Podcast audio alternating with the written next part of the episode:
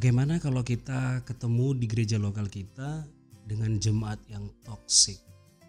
Hmm, apakah kita intip gereja sebelah? Check this out.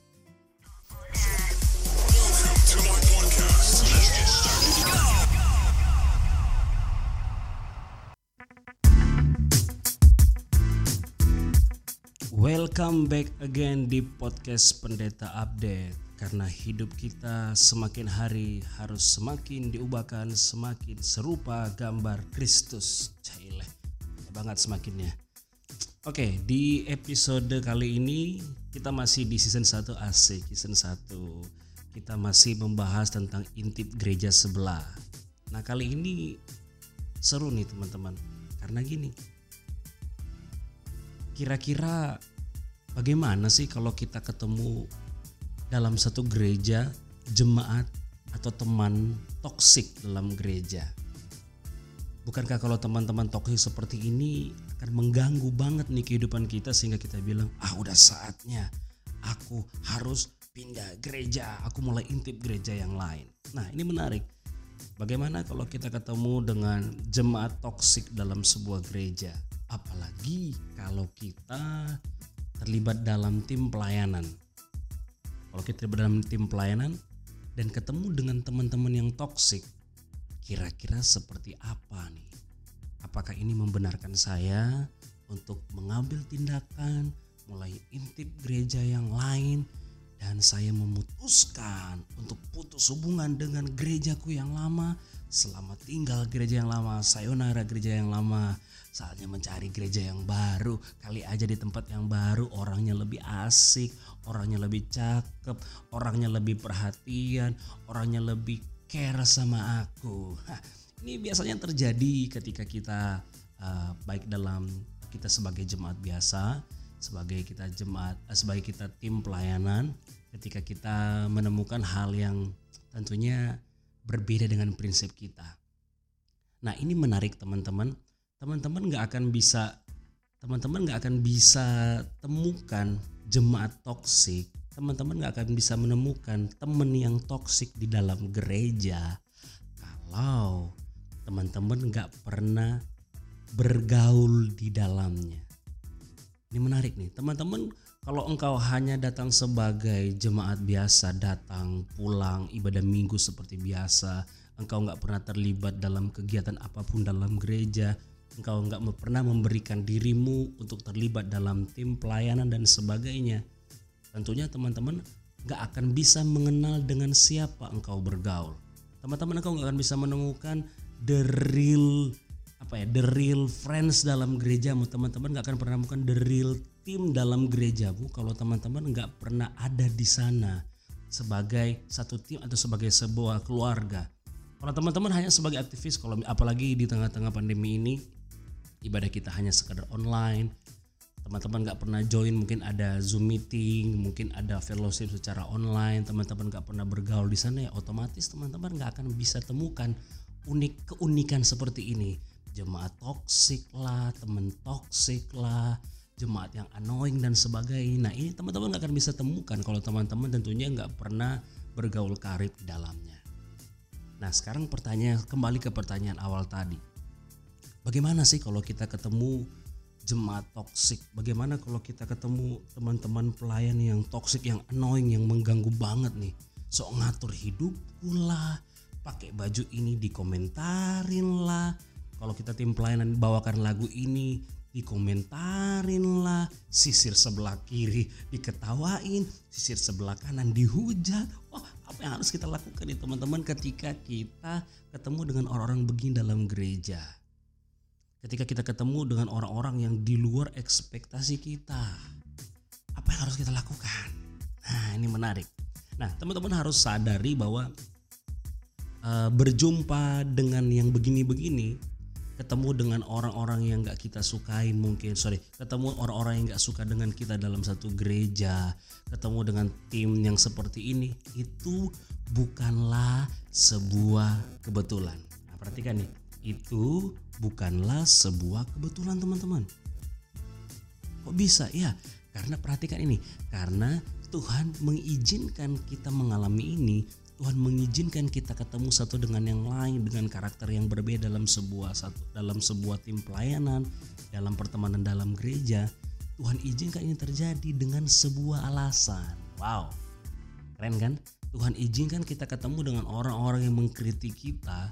Tuhan izinkan ketemu dengan orang-orang yang mungkin nggak suka dengan kita, yang mungkin bisa omongin kita di belakang dan sebagainya itu dengan sebuah alasan nih teman-teman. Apa alasannya? Nah, coba teman-teman kita lihat dulu satu firman Tuhan dan pasti firman Tuhan ini akan membantu banget. Kalau teman-teman masih ingat di Amsal 27 ayat yang ke-17 firman Tuhan bilang begini, Amsal 27 ayat 17. Besi menajamkan besi, orang menajamkan sesamanya. Perhatikan nih, besi menajamkan besi. Kalau besi menajamkan besi berarti perhatikan ini harus satu apa ya? Satu apa? Senyawa nggak sih? Satu benda lah harus besi dengan besi. Besi nggak mungkin akan ditajamkan dengan kertas. Hello, gimana cara menajamkan besi dengan kertas? Besi harus ditajamkan dengan besi. Artinya harus sama.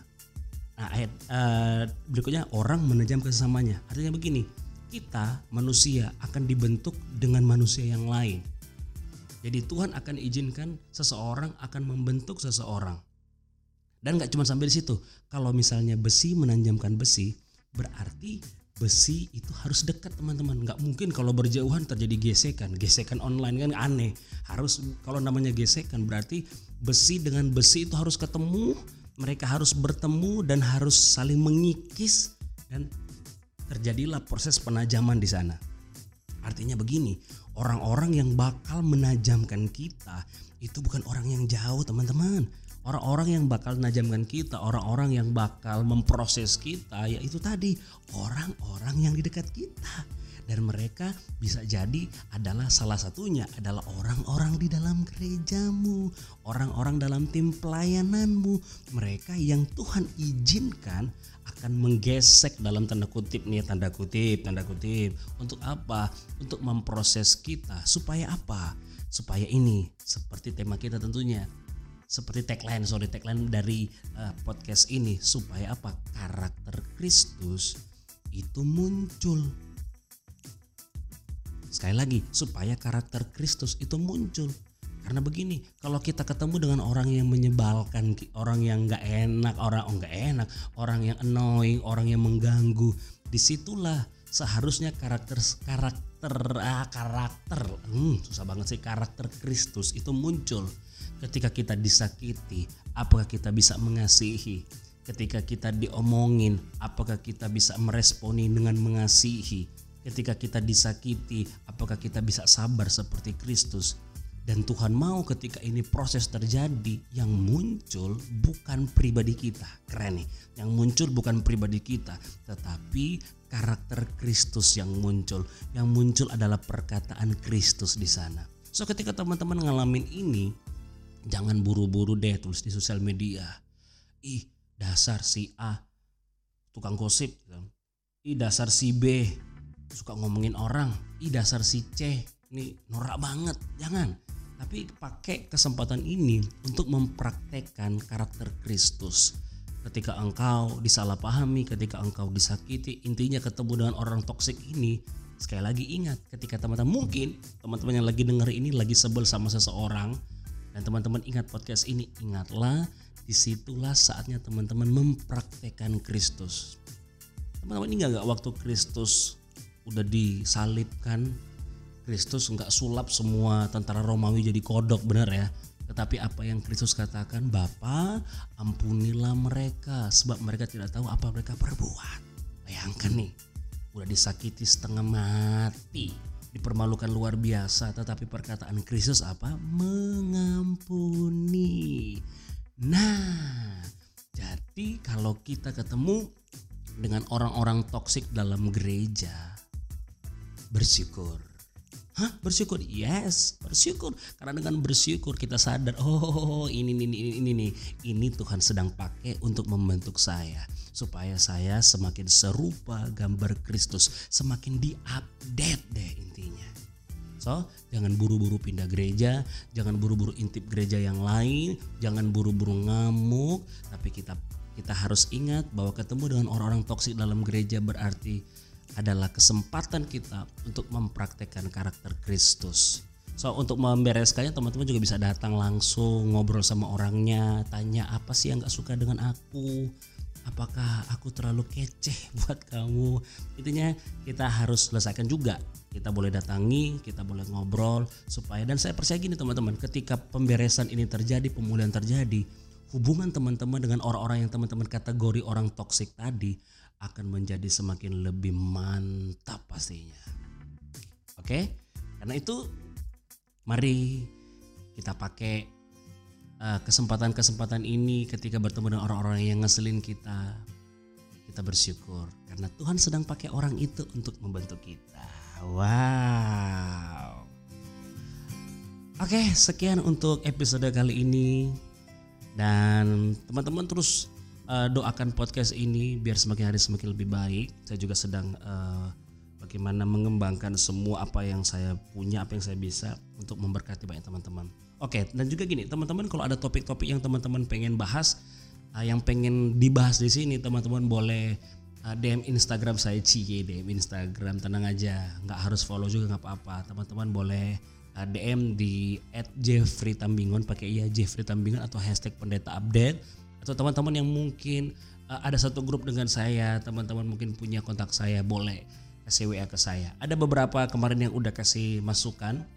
Thank you banget dan ada juga udah kasih tema-tema. Nah, saya sedang mempersiapkan untuk uh, chit chat dengan teman-teman saya yang lain. Ya, saya udah udah kontak, tinggal atur janji, mempersiapkan peralatan supaya uh, next episode kita boleh bertemu dengan uh, saling ngobrol dengan teman-teman tentunya dengan obrolan yang santuy. So terima kasih udah dengerin podcast ini. Tetap sehat semuanya and God bless you di episode berikutnya. Ciao.